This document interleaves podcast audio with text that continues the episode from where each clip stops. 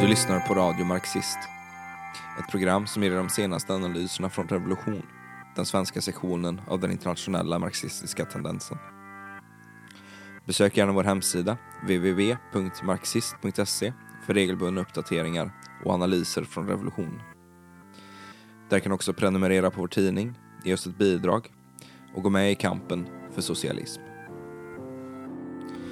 I detta avsnitt förklarar Fredrik Albin Svensson marxismens filosofi. Eh, så 2019 så skedde det revolutionära uppror och rörelser i Irak, Iran, Ecuador, Chile, Colombia, Sudan, Algeriet, Tunisien, Hongkong, Haiti, Libanon och Frankrike. Med andra ord, på bara ett år så var det i Mellanöstern, i Sydamerika, i Nordafrika, i Mellanamerika, i Europa. Alltså helt vitt skilda områden över hela världen. Och en fråga är ju då varför sker det då så mycket och på så många olika ställen samtidigt allt det här? Jag skulle säga att det finns i grunden två sätt att besvara den frågan. på. Det ena är att man kan säga att det spreds ju uppenbarligen revolutionära idéer i befolkningen i alla de här länderna. Ehm, det är uppenbarligen också en orsak till att det sker eh, revolutioner. Ehm, så det, det är ju sant då. Men då kan man fråga varför spreds de här revolutionära idéerna? Och svaret enligt detta synsätt det skulle kanske vara till exempel att ja, men förde, förde fram, eh, folk förde fram vissa bra paroller som kunde fånga folks uppmärksamhet, som förklarade särskilt bra för människor vad problemet är, som kunde ena varandra, folk. Och folk blir inspirerade av varandra. Idéer har en tendens att sprida sig. Och det här är helt klart en viktig sida av saken. Men det svarar ändå inte på frågor som fanns det ingen som kunde formulera bra paroller för 20 år sedan? Eller för 40 år sedan? Varför händer allt det här precis just nu? Och då behövs det, skulle jag säga, för att svara på sådana frågor krävs det ett annat synsätt. Och det andra grundläggande sättet att förklara varför de här revolutionära rörelserna skedde. Det lägger egentligen inte i grunden fokus på idéerna utan det lägger grunden på de bakomliggande materiella faktorerna bakom de här idéerna. En allt värre levnadsstandard som nu faktiskt drabbar befolkningen i hela världen. Massarbetslöshet, sämre arbetsvillkor, osäkrare jobb, bostadsbrist, en extrem fattigdom bredvid en extrem rikedom och så vidare.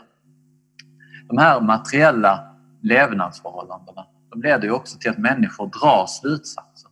De blir öppna för revolutionära idéer och vid en viss tidpunkt så känner de att de måste börja kämpa tillbaka. Det första sättet som att tänka som jag nämnde, det första grundläggande sättet, det utgår från att idéerna är primära och i filosofin så kallas det då för idealism. Och det andra sättet att tänka det utgår istället för att materien och materiella levnadsförhållanden som människor lever då är det primära. Och det kallas filosofin för materialism. Och jag vet inte, det, eh, ni som inte har hört det i filosofiska sammanhang, kanske hört det i vardagliga sammanhang tidigare. Där en idealist i vardagsspråk, det är personer som bara bryr sig om höga ideal, inte bryr sig om pengar. Materialist är någon som bara bryr sig om pengar och att köpa fina saker, ja, skaffa sig fina lyxprodukter. Liksom. Men i filosofin så syftar begreppet på något helt annat än vad de gör i vardagsspråken. I filosofin handlar alltså idealism om att anse att idéer är den primära drivkraften i historien. Orsaken till revolutioner då till exempel blir då att det är revolutionära idéer som sprids. Och det här är som sagt, jag skulle säga att i sig är det korrekt. Men det är ensidigt. Det är ensidigt sätt att se på saken. Det är materialister istället tar fasta på det är de materiella orsakerna till att de revolutionära idéerna kan spridas. Och vi marxister är just materialister. Och jag skulle säga att på många sätt idag så är det inte särskilt svårt att bevisa att en materialistisk utgångspunkt är korrekt. Vi vet alla om till exempel att för att vi ska kunna ha de här idéerna så behöver vi överhuvudtaget ha en fysisk materiell hjärna. Idéerna svävar inte i tomma luften. Det är ju människor som har ett verkligt liv som har de här idéerna. Idéerna formas av våra, av våra erfarenheter av den materiella världen. Just nu, för de allra flesta, så formas de av den högst materiella krisen för kapitalismen. som gör livet värre och värre nu för jordens befolkning, vilket människor drar naturligtvis revolutionära slutsatser av. Men den här frågan om en materialistisk eller en idealistisk metod den har inte heller bara betydelse för att beskriva orsakerna till att saker har skett i efterhand. Utan ur vår synpunkt har den framförallt betydelse för att eh, användas som metod för att kunna eh, skapa förväntningar, för att kunna avgöra vad vi förväntar oss, hur vi ser vår egen roll egentligen. Om man skulle ha en idealistisk ingång, om man tror att det bara är en fråga om idéer, då skulle man faktiskt drar extremt pessimistiska slutsatser just nu av situationen i Sverige. Alltså om man bara tänker på den. På ytan ser just nu det tydligaste draget de senaste åren. Sverigedemokraterna växer. Rasistiska idéer för, för ett ökat inflytande. Vi har haft stora, stora försämringar av välfärd och annat. Arbetarrörelsen och vänstern har varit helt oförmögna att svara på detta. Fackförbundens ledningar är helt passiva. Socialdemokraterna sitter i regering och genomför försämringar. Vänsterpartiet släppte igenom den här regeringen som genomför försämringar och vänstern utanför Vänsterpartiet är överlag oerhört svag och splittrad. Jag tror kanske att IMT i Sverige, alltså vi i revolutionen, är kanske den enda vänstergruppen som inte är i kris utan tvärtom växer effektivt i den här situationen. Och om man då i det här läget diskuterar utsikterna för en revolution i Sverige med de flesta människor då skulle de, skulle jag säga, ha en idealistisk ingång för de tittar på alla de här fenomenen på ytan och så drar de väldigt pessimistiska slutsatser. De tänker att situationen blir bara värre, ingen gör någonting. Det är bara mer rasism, mer elände. Och slutsatserna som man drar utav det här då, det är att ja, men antingen ger man bara upp för att det blir bara värre eller så kastar man in sig i egentligen huvudlös aktivism för att få någonting att hända, för att få igång klassen på något sätt, för att kunna få bort den här rasismen. Men vi materialister ser frågan på ett lite annorlunda sätt. De tre senaste decennierna i Sverige så har enorma privatiseringar och nedskärningar gjorts i välfärden. Det är ju bland annat det som orsakat den här katastrofala situationen på sjukhus och äldreboenden under coronapandemin.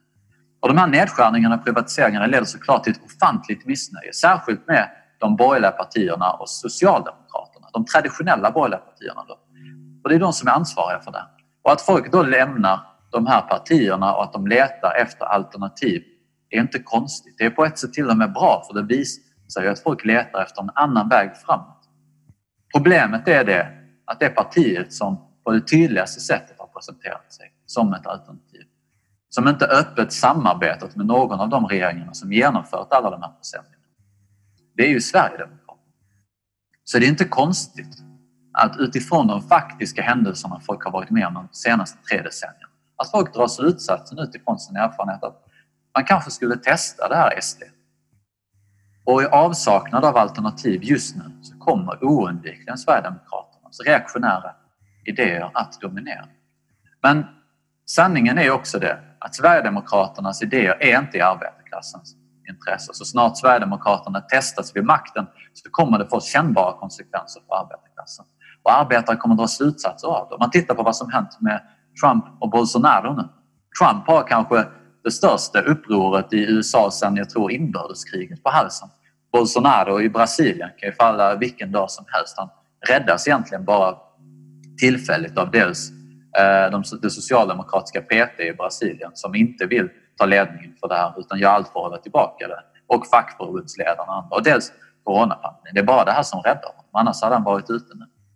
Och precis på samma sätt, genom erfarenheter kommer den svenska arbetarklassen också att lära sig. Det, man kommer lära sig specifikt i kampen mot Sverigedemokraterna, i kampen mot försämringarna överlag. Och man kommer och i det här så kommer oundvikligen också ett kämpande vänsteralternativ att börja formas och börja utgöra ett riktigt alternativ. Och det här som jag har lagt fram nu, det är en materialistisk analys. Och en sån analys är allt annat än pessimistisk i den här situationen. Vår uppgift blir då inte huvudlös aktivism för att bara försöka desperat få igång rörelse utan tvärtom att förbereda för klasskampen, att delta i den faktiska klasskampen som sker och att föra fram den revolutionära socialismens idéer och bygga för en kommande revolutionär våg också i Sverige. Och materialismens, eller förlåt, marxismens materialism den skiljer sig från den tidigare materialismen som fanns före Marx. Vad Marx visade det var att människors idéer det ska, de skapas inte främst genom att människan bara passivt tar in intryck från den omgivande världen. Utan det är människans arbete med att omskapa, med att arbeta, med att, med att förändra den omgivande världen som de här idéerna formas. Det är faktiskt det som Marx syftar på när han då påpekar att filosoferna har bara tolkat världen på ett rad sätt, men det gäller att förändra den. Det är det som är den mänskliga aktiviteten. Och det, och det är där man också hittar just nyckeln till medvetandets och till klasskampens utveckling. Det är genom erfarenheterna i själva klasskampen som arbetarklassen verkligen kommer att lära sig, som det här revolutionära medvetandet efterhand kommer att uppstå. Och rasistiska fördomar, kvinnoförtryck och annat, det är just hinder för arbetarklassen i den här klasskampen. Och de är verktyg, objektivt sett, för borgarklassen att splittra den här rörelsen. Så under intensiv klasskamp, särskilt, viktiga, särskilt under viktiga strejker under revolution, så kommer därför också arbetare instinktivt att kasta undan de här fördomarna för annars så riskerar de att förlora striden.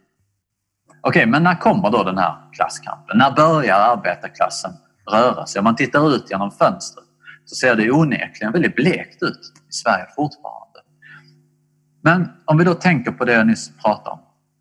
Vad är det Sverigedemokraternas tillväxt i sista speglar? Ja, men det är att folk letar efter alternativ och det är ett kolossalt missnöje som finns i samhället. Vad speglar, speglar den eh, massiva klimatstrejksrörelsen som skedde förra året? Jag skulle säga att den speglar att en helt ny generation unga letar efter ett sätt att förändra samhället. Vad speglar den här Facebookgruppen, hashtag vägra sänka hygienkraven, som fick över 60 000 medlemmar på en vecka efter att den hade bildats och som fylldes med extremt arga inlägg. Jag skulle säga att den speglar en fruktansvärd ilska som inte bara kommer att försvinna nu. Jag skulle tvärtom lova att så snart de kan så kommer arbetarna i vård och omsorg att försöka ta eh, en hämnd för situationen som de satte sig under den här pandemin. Att försöka verkligen förändra situationen för att detta aldrig ska ske igen. Och när de gör det här så kommer de att ha ett massivt stöd. Och allt det här, de här tre grejerna, det finns otaliga andra, det är symptom och att samma händelser som har skett i resten av världen de senaste åren också är på väg till Sverige, men med en viss eftersläpning. Okej, okay. men man kan komma med en invändning till. Man kan ju säga så här, folk är arga, men den svenska arbetarklassen vill inte ha någon revolution. Och det, det låter ju rimligt, för det är sant att de flesta arbetare vill inte det. Just nu. När vi funderar på saker så tänker vi i allmänhet i rätt så fasta, fixerade kategorier. Vi tänker att den svenska arbetarklassen är lika med den svenska arbetarklassen. Antingen är den den svenska arbetarklassen eller så är den inte den svenska arbetarklassen. Det finns ingenting däremellan. Inom filosofi så delar, sammanfattar man faktiskt det här sättet att tänka på som tre grundläggande tankelagar. A är lika med A. A är inte lika med inte A. Och antingen är A eller inte A sant. Det finns ingenting däremellan. Det här kallas för den formella logikens lagar. Det är ett begrepp som är bra att ta med sig. Det är grundläggande inom all filosofi. Och det verkar ju ganska rimligt får man säga. Ett bord är lika med ett bord. Det är inte lika med ett icke-bord. Ett hus är lika med ett hus, det är inte lika med ett icke-hus. Jag är jag, jag är inte lika med ett icke-jag. Det låter på ett sätt så banalt att man knappt behöver säga det. Men om man tänker på de här frågorna då lite noggrannare. Är ett bord verkligen ett bord? Ja, för det första så kan man ju faktiskt konstatera att du kommer aldrig, inte ens om du går och tittar bland Ikeas maskiner, så kommer du aldrig hitta två exakt likadana bord i hela världen. Ett mikroskop kommer alltid hitta skillnader, det kan jag lova. Okej, okay, men då kan man komma med en till invändning mot detta. Okej, okay, det finns kanske inte två exakt likadana bord över hela världen. Men ett bord är åtminstone lika med sig själv. Men, och det ser onekligen ut som att ett bord är lika med sig själv. Men då kan man ju säga att ja, det ser ut så på ytan. Bordet ser fast och stilla ut på ytan. Men trots det så vibrerar just i detta nu varenda molekyl i det här bordet. Det gör det i all fast materia. Så vibrerar molekylerna. De är inte stilla. De rör sig och därmed så ändras de också konstant. Det översta lagret här på molekylerna i bordet kommer att befinna sig i konstant kontakt med luften och beblanda sig på olika sätt med luften. Eller så kommer det finnas i konstant med dina fettiga händer som du håller på att beblanda sig med också. Och inuti de här molekylerna finns det sen i sin tur atomer med elektroner som rör sig konstant på ett kaotiskt sätt kring protonerna och neutronerna som befinner sig i cellkärnan. Så varje sekund, eller på ett sätt rättare sagt i var, varje oändligt litet ögonblick så förändras det här bordet. Så även om du hade haft all information om bordet i detta nu skulle ändå varenda molekyl i bordet vara annorlunda inom ett oändligt kort ögonblick. Så är då bordet verkligen lika med sig själv. Även om det är så annorlunda att det, har, eh, det är på ett annat sätt så snart du ens hunnit tänka ordet bord. Och samma resonemang blir faktiskt ännu tydligare om vi pratar om oss människor. Och då kan man säga, vadå, jag är väl lika med jag? Jag kan väl tycka att jag är mig själv och du kan säkert tycka att du är lika med dig själv. Men även om du anser att du är densamma nu och nu så kan jag lova att dina celler, bakterierna i dina tarmar, dina hormoner, ditt blod eller till och med de här elektriska impulserna som snurrar runt i hjärnan, de kommer antagligen inte att hålla med om att du är densamma nu och nu. Det syns ju inte på ytan när till exempel en cell i vår kropp bryts ut eh, mot en annan. För som helhet så gör det ju ingen större skillnad på oss. Men om man då jämför dig med när du var, när du var två år gammal, om man jämför dig två år gammal med dig idag, så blir det ju svårt att ignorera skillnaden. Eller om man tar dig nu med dig om 30 år när vi förhoppningsvis har genomfört en socialistisk revolution. Det kommer att vara två väldigt annorlunda personer på alla plan. Och man kan säga att det både är du, den här personen om 30 år, men på ett plan så är det också inte du. Båda aspekterna, att det är du och att det inte är du, är sanna. Om man då tar den svenska arbetarklassen, kommer det vara samma arbetarklass om en vecka? Ja, typ får man väl säga att det kommer att vara ungefär samma. Kommer det vara samma arbetarklass som en månad? Kanske. Det beror rätt mycket på vad som händer en månad. Kommer det vara samma arbetarklass som ett år? Jag tror inte det. Ett år av varsel, pandemi, kris i sjukvården, arbetslöshet som ekonomerna beräknar kommer nå 15-20 procent, kris och uppror i hela världen. Det här är ju erfarenheter som verkligen kommer att förändra den svenska arbetarrörelsen i grunden. Det kommer på ett plan fortfarande vara den svenska arbetarklassen. Men det kommer vara en annorlunda svensk arbetarklass. Antagligen betydligt mer beredd att acceptera revolutionära slutsatser än den är just nu. Och på samma sätt som allt annat så förändras alltså arbetarklassen konstant. På det sättet kan man säga att den är den svenska arbetarklassen och samtidigt är den inte den svenska arbetarklassen. Det, och det är det, faktiskt det enda sättet man verkligen korrekt kan formulera det på. Ett bord är och är inte ett bord. Jag är och jag är inte jag. A är och är inte lika med A. Överallt så, runt om dig så har du en konstant rörelse, en konstant förändring som sker. Även om du inte ser den. Normalt sett så ignorerar vi den. Och det, man kan säga att det här som jag kallar den formella logiken, A är lika med A, det fungerar alldeles utmärkt. Det är faktiskt helt nödvändigt i vardagen. Det finns ingen anledning att utgå från att ett bord är någonting annat än ett bord. Det finns ingen anledning att fundera på alla de här små konstanta förändringsprocesserna som utgår, eh, som sker i bordet.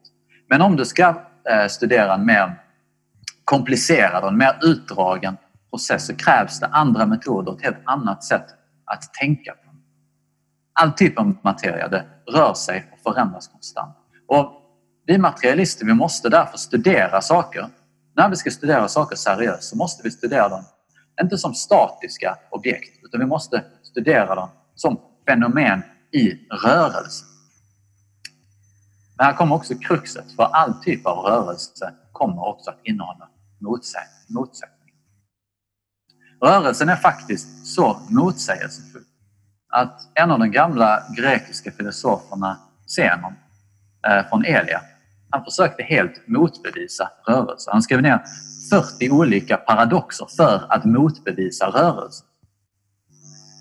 En av de här paradoxerna är paradoxen om pilen som jag ska försöka att återge eh, så kort jag kan. Eh, du har en, eh, I den här paradoxen om pilen så har du en person som skjuter en pil mot en piltavla. Och i varje punkt på vägen mot den här piltavlan så kommer pilen per definition, per definition bara att befinna sig på en plats i varje sån här punkt. Pilen kommer att befinna sig på en plats på vägen. Den kommer att befinna sig på en plats och ingen annan.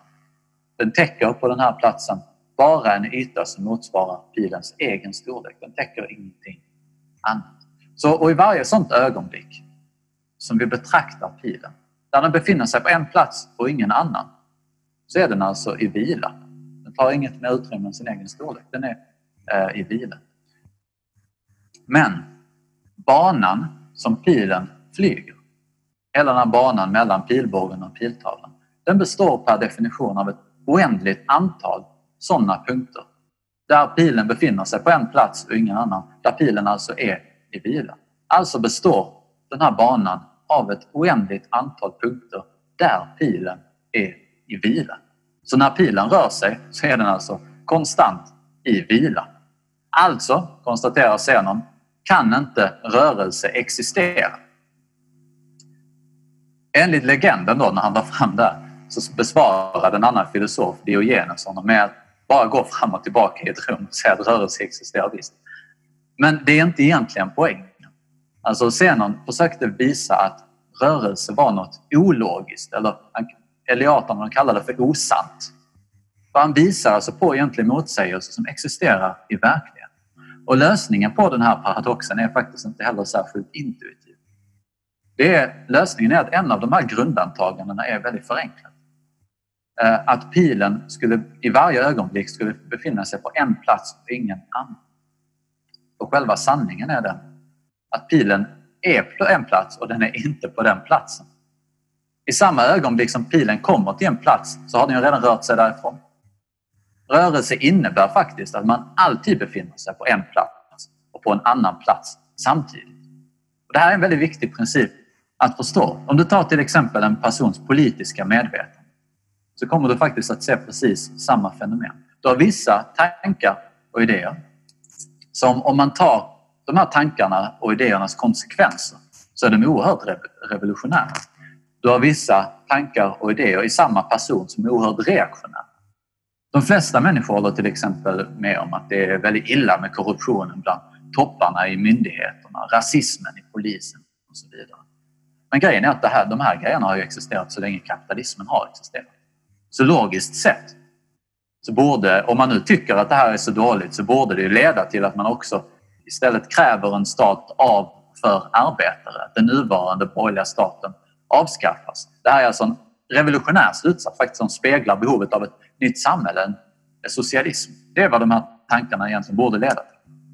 Men om man föreslår någon att störta den borgerliga staten, att ersätta den med en arbetarstat så kommer de flesta människor vara väldigt skeptiska. De kommer säga folk är giriga, de kan inte styra, det skulle aldrig funka, ingenting kommer ändå förändras i alla fall, det är inte lönt att försöka. Och det här är ju verkligen otroligt reaktionära idéer. Som om man drar dem till sin eh, spets, ingenting kommer förändras i alla fall, det är inte lönt att försöka. Folk är giriga, de kan inte styra. Alltså, det borde ju innebära att man inte ens är för den här begränsade borgerliga demokratin som vi har. Men naturligtvis så skulle ju samma person försvara borgerlig demokrati, det gör de flesta. Och man kan hitta den här typen av motsättningar hos alla människor. De speglar ett extremt motsägelsefullt samhälle som är uppdelat i motsatta klasser som har motsatta klassintressen. Det här speglar faktiskt i sista hand å ena sidan det nya samhället som behöver födas, socialismen, och å andra sidan det gamla samhället, kapitalismen. Så på samma sätt ser du alltså precis det nya och det gamla i samma persons medvetande samtidigt. Eller om du vill så kan du säga att medvetandet befinner sig på en plats och på en annan plats samtidigt.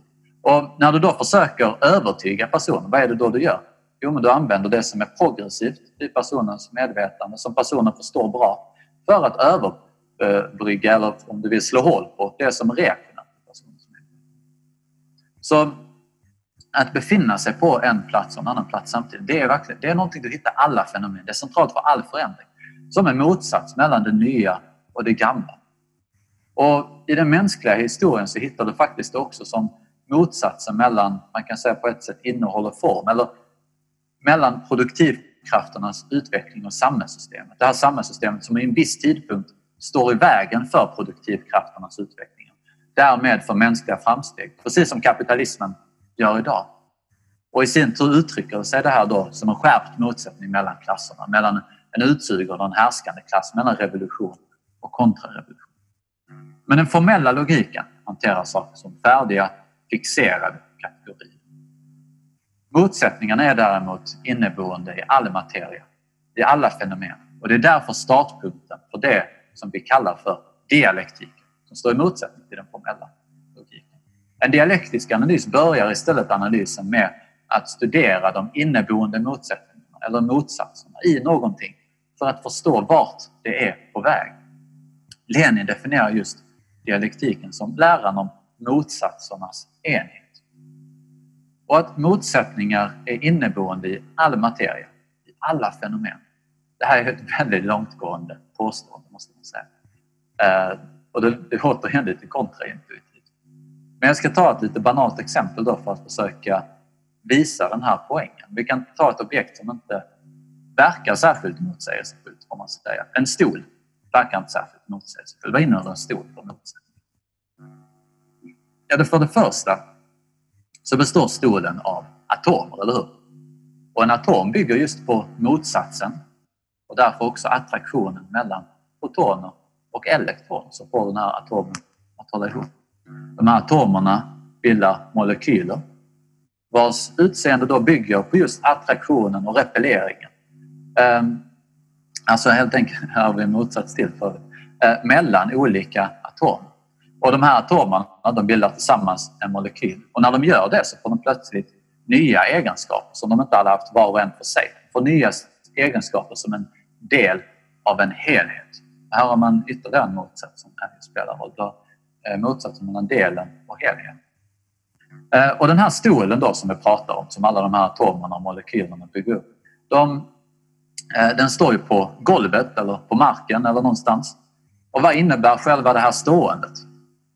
Jo, det innebär att det finns en kraft neråt, gravitationen, som håller stolen nere. Det finns också en kraft uppåt från marken eller golvet som håller stolen uppe. Där har vi en motsats mellan kraft och motkraft som gör att stolen står och vilar på det här golvet eller marken. Och en stol, den är ju, hela funktionen med en stol, den är ju gjord huvudsakligen för att man ska kunna sitta på den. Men det här sittandet innebär då i sin tur att det å ena sidan finns ett tryck Eh, neråt från en person som sitter. Å andra sidan finns det då en konstruktion av vissa material i en viss form för att motverka det här trycket. Personen som sitter består ju sen i sin tur av ett visst antal molekyler organiserade på ett visst sätt som är upphov till en helhet som är större än sina delar Eh, en helhet som gör att det här blir bara en människa och inte bara en massa molekyler. Vi har det här samspelet mellan delarna och helheten som jag nämnde innan. Det är inneboende i allting. Vi har samma sak i stolen. Du har molekylerna som är organiserade på ett visst sätt som ger upphov till någonting som är större än molekylerna själva. Ett föremål med stolens. Men stolens liv kommer alltså att å ena sidan kretsa kring trycket från personen och gravitationen. Å andra sidan konstruktionen i stolen som tjänar till att hålla ihop den. Å ena sidan då till en kraft som eh, tjänar till att förstöra stolen, det här trycket. Å andra sidan de krafter som håller samman stolen. Och de här två aspekterna, en kraft som tjänar till att upplösa och en som tjänar till att hålla samman, de här förenas i, använd, i användningen i sittandet. När de här krafterna står mot varandra. Om trycket blir för hårt gentemot konstruktionen eller kommer ur fel vinkel, alltså om den upplösande kraften blir starkare än den sammanhållande, så kommer stolen att kollapsa. Det här kommer att ske förr eller senare faktiskt. Under stolens existens som stol så kommer den att kollapsa. Och det är själva användningen av stolen då och alla stolens funktioner som faktiskt har en inneboende tendens att någon gång i tiden göra stolen användbar, oanvändbar, kommer att kollapsa. Så när sker då den här kollapsen? Man kan säga att det är faktiskt en inneboende möjlighet i stolen redan från början att den kan kollapsa. Om något tillräckligt tungt kommer eller tungt kommer från fel vinkel. Men ju längre tiden går, desto bräckligare stolen blir av att användas och att åldras. Desto svårare får den här konstruktionen att hålla emot trycket och desto större risk att stolen kollapsar. Och hur det här åldrandet sker det beror för övrigt också på, en motsats, eller på ett antal motsatser. Det sker motsatserna mellan varmt och kallt som präglar stolens och träets åldrande. Alltså fuktigt och torrt och så vidare. Det får, allt det här formar utvecklingen av stolen och åldrandet på ett visst sätt. Under alla de här åren av åldrande då, som den här stolen går igenom så rör vi oss då också med många, många, många små gradvisa förändringar. Förändringar på molekylnivå i plasten eller i träet. Man kan kalla det här om man vill för kvantitativa förändringar. Om man vill. För de gör ingen avgörande kvalitativa eh, eh, förändringar i stolens kvalitativa funktion. Så de är, de är gradvisa kvantitativa. Men vid en viss tidpunkt så kommer oundvikligen då den här kraften som håller samman molekylen på vissa avgörande ställen att inte vara tillräckligt stark. Stolen kommer att kollapsa och då får man en förändring i stolens kvalitativa funktion. Den slutar att vara en fungerande stol. Och jag vill lägga in en liten brasklapp här. Så jag har pratat om molekyler och atomer och sådär. Jag är ingen fysiker så jag ber om ursäkt på förhand jag har presenterat någon detalj fel. Det jag vill att ni ska lägga märke till i det här exemplet är alltså att motsatserna och motsättningarna de är inneboende på alla nivåerna i stolen. Det är genom samspelet faktiskt mellan motsatserna. Stolen får just sina egenskaper och eh, som den här utvecklingen av stolen sker. Och som helhet så består användningen i sitt, alltså själva sittandet i användningen av stolen, det består just i sam, samspel mellan å ena sidan den här upplösande kraften, trycket som uppstår när stolen används. Å andra sidan de sammanhållande krafterna i konstruktionen. Så sittandet, alltså användningen av stolen som stol, det leder en viss, till en viss riktning på stolens utveckling. Det finns en viss inneboende tendens i den här stolen. En lösning på stolens motsättningar, att den är utan att kommer att gå sönder. Själva användningen av stolen kommer i slutändan upphäva stolen som stol. Men okej, okay.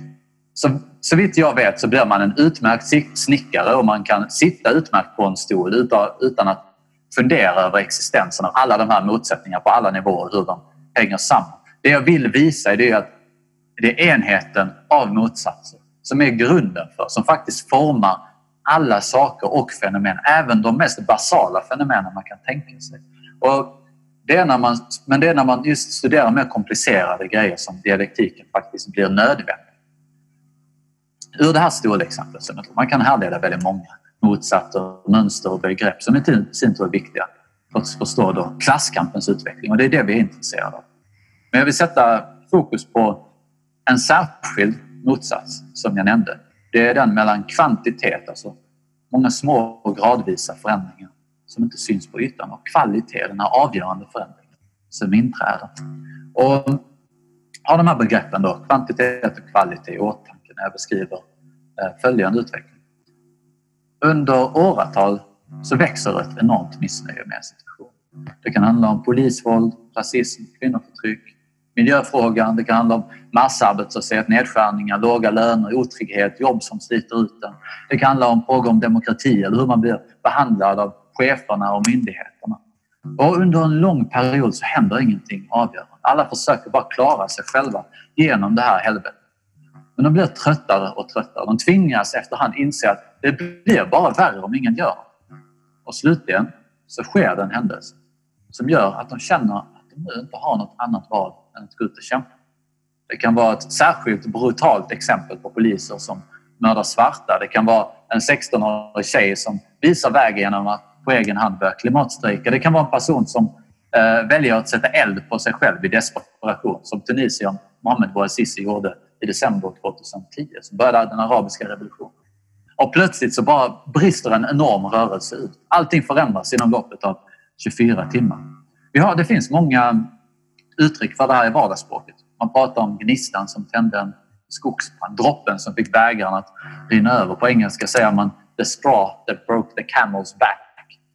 Eh, man kan gå tillbaka till stolen om man vill och förändringarna bland molekylerna som till slut gjorde att stolen blev så bräcklig att den kollapsade.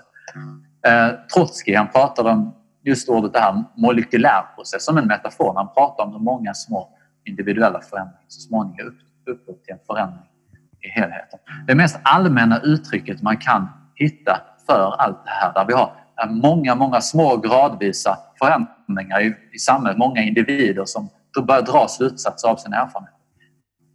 Ehm, och som plötsligt ger upphov till en avgörande förändring i situation.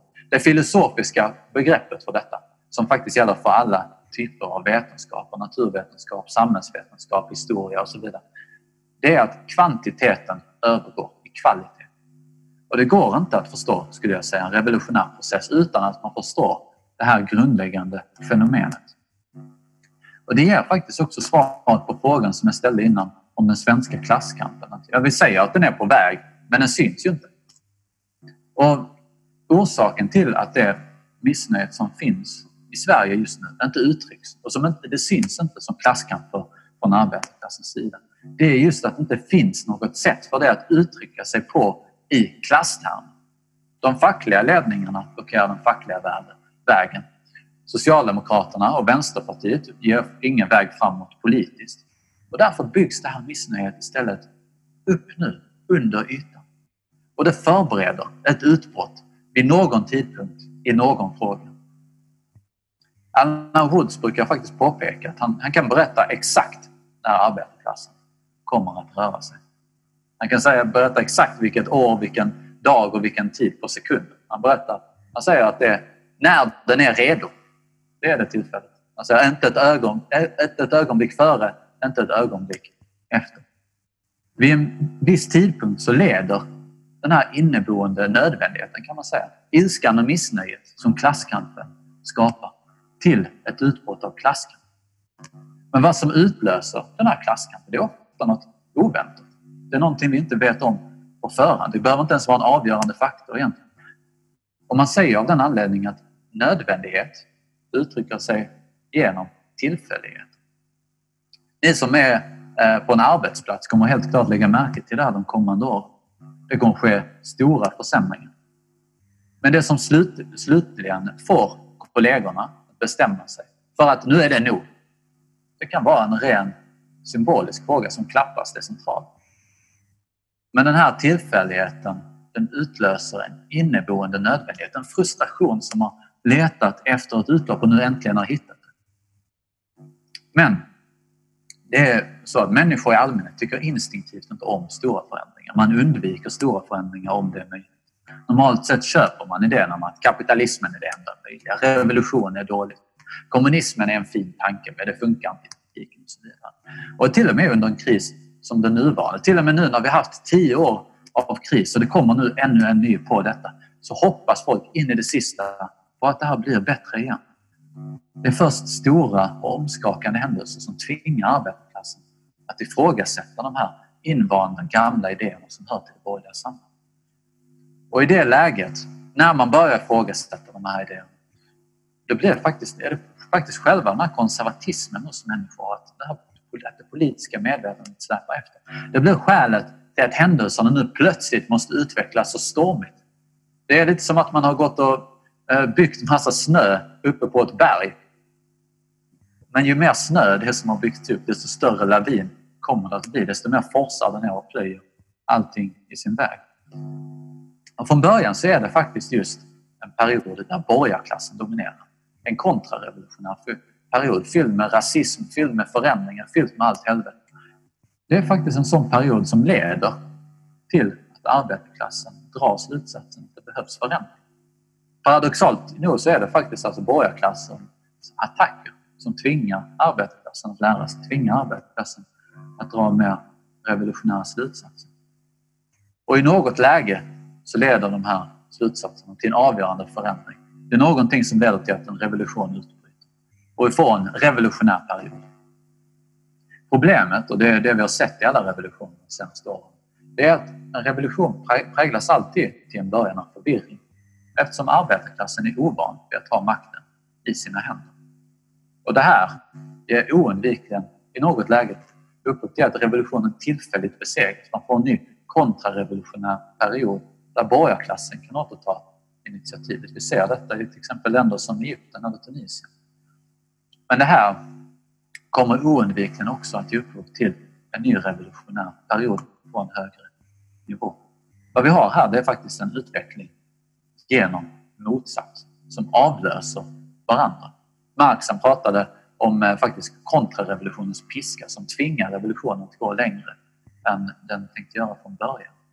Ehm, och den leder, den tvingar revolutionen att gå framåt. Och under varje revolution så sker det faktiskt eh, en typ av upprepning av stadier, fast på en högre nivå. Inom dialektiken så finns det ett begrepp för det här också. Det kallas negationen av negation. Och vi är inte så vana vid ordet negation och därför låter det lite komplicerat. Men det är inte särskilt komplicerat egentligen. När en revolution bryter ut så negerar den, eller upphäver, det är egentligen ett annat ord för samma sak. Den negerar eller upphäver revolution. Den, revolutionen negerar eller upphäver den kontrarevolutionära perioden som har funnits innan. När sen borgarklassen återtar initiativet eh, så negerar kontrarevolutionen i sin tur revolutionens första fas. Och när sen revolutionen bryter ut på nytt, då negerar revolutionen kontrarevolutionen. Och vi får återkomsten av revolutionen, men på en högre nivå där massorna har lärt sig mer. Men jag hittar, ehm, eller man, ska, man kan säga att man hittar faktiskt exempel på den här typen av upprepning på högre nivå överallt i historien och i naturen. Eh, det vi är intresserade av här, såklart, det vi diskuterar den här helgen, det är ju klasskamp. Så jag ska bara ta ett kort exempel också ur klasskampens historia, eller ur revolutionernas historia. När den ryska revolutionen bröt ut i februari 1917 så var det ju efter en kontrarevolutionär period, första världskriget.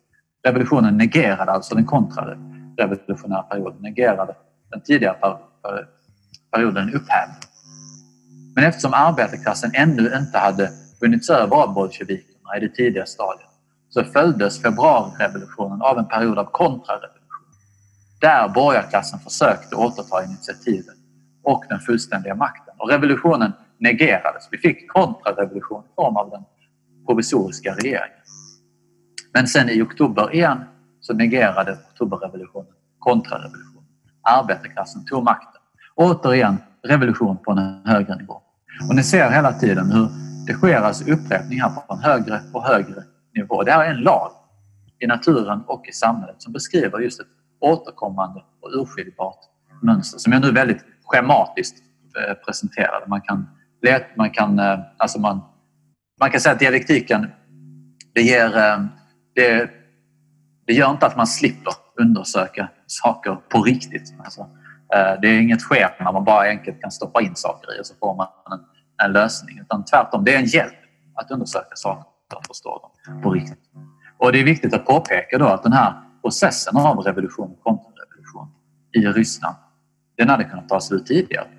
Den hade kunnat ta slut till exempel om borgarklassen hade vunnit i Ryssland under 1917 och krossat revolutionen. Då hade den här processen av negation av negation avbrutits tidigare. Det är en kamp mellan levande krafter där. Och den är inte avgjord på förhand. Vi är materialister, vi är marxister. Alltså. Och vi säger därför också att den ryska revolutionen den utlöstes tidigare än i andra länder av materiella skäl. Men i sista hand så var det faktiskt inte materiella skäl utan det var idéer som tippade vågskålen till arbetarklassens fördel i Ryssland som gav revolutionen det som krävdes för att segra. Den ryska arbetarklassen hade ett revolutionärt parti på marxismens grund som inte var perfekt. Men det var bättre förberett än i något annat land. I de andra länderna så fanns alla objektiva materiella förutsättningar. Men revolutionärerna gjorde för många misstag. Därför misslyckades arbetet. Den medvetna faktorn, det man kan kalla, om man vill, det medvetna elementet i historien, den subjektiva faktorn, som under kapitalismen är marxisterna. Marxisterna i de andra länderna var för svaga och de var för oerfarna och därför vann kontrarevolutionen tillfälligt i alla de här länderna. Men så i den här inledningen så har jag nu beskrivit idealism och materialism. Det är två begrepp som är bra att ta med sig. Vi marxister är alltså materialister eftersom vi menar att idéer i sista hand är produkter av vår hjärna och kropp och vårt samspel med världen runt om oss. Men precis som ryska revolutionen visar då så kan ju idéer spela en helt avgörande roll under vissa omständigheter. Och jag har också pratat om formell logik och dialektik. Och vi kallar alltså vår materialism för dialektisk eftersom den utgår från att allting rör sig och vi börjar analysen i motsatserna som inneboende i all rörelse och i alla fenomen. Och dialektiken då, den kan sammanfattas i tre centrala lagar som jag har försökt faktiskt att återge nu och visa sambandet mellan. Vi har för det första motsatsernas enhet. Det är på många sätt det mest grundläggande av allt. Det är alltså att saker och fenomen består av motsatser som är ömsesidigt beroende av varandra och som konstant samspelar och driver varandra framåt. Vi har för det andra kvantitetens övergång till kvalitet och vice versa. Det är ett exempel på samspel mellan motsatser men det är också en lag som är så central att engelsk faktiskt särskilt framhäver den. Poängen är att små gradvisa förändringar vid en viss tidpunkt ger upphov till en avgörande förändring.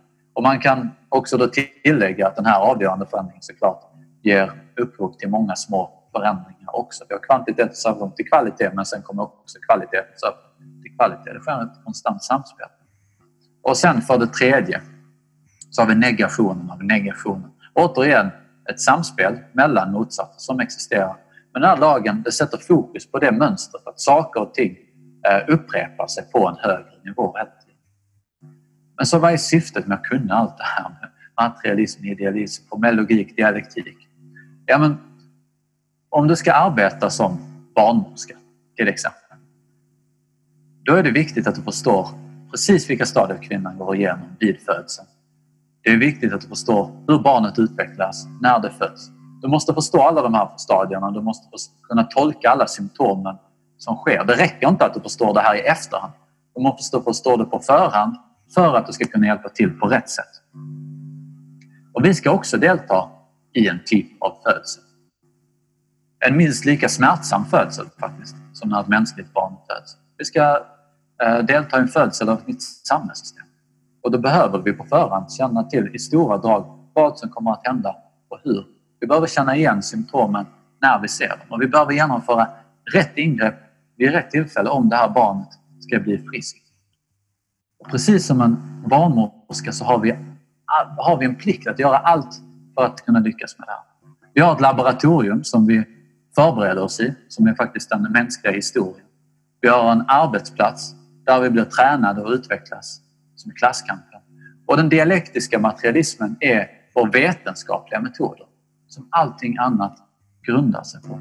Och I den här inledningen nu så har jag bara kunnat presentera de grundläggande idéerna egentligen. Jag hoppas på många frågor i diskussionen, på saker som inte var tydligt, som då ger oss chansen att man kan utveckla olika aspekter av det här med. Det finns många grejer som jag inte ens hunnit nämna. Men jag hoppas också på, in, på inlägg nu på olika aspekter av de här frågorna. Som saker som jag kan ta upp, har tagit upp och saker jag inte har tagit upp. Eh, som jag helt enkelt inte har tid till.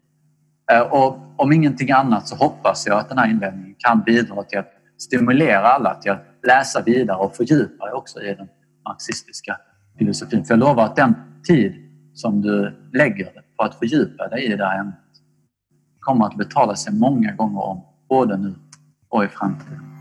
Tack så mycket. Tack för att du har lyssnat på Radio Marxist. Prenumerera på oss via Soundcloud, iTunes, Spotify eller där du hittar poddar. Vill du veta mer om oss i Revolution? Gå gärna in på vår hemsida www.marxist.se där du kan ta en prenumeration på vår tidning, ge oss ett bidrag eller gå med oss i kampen för socialism.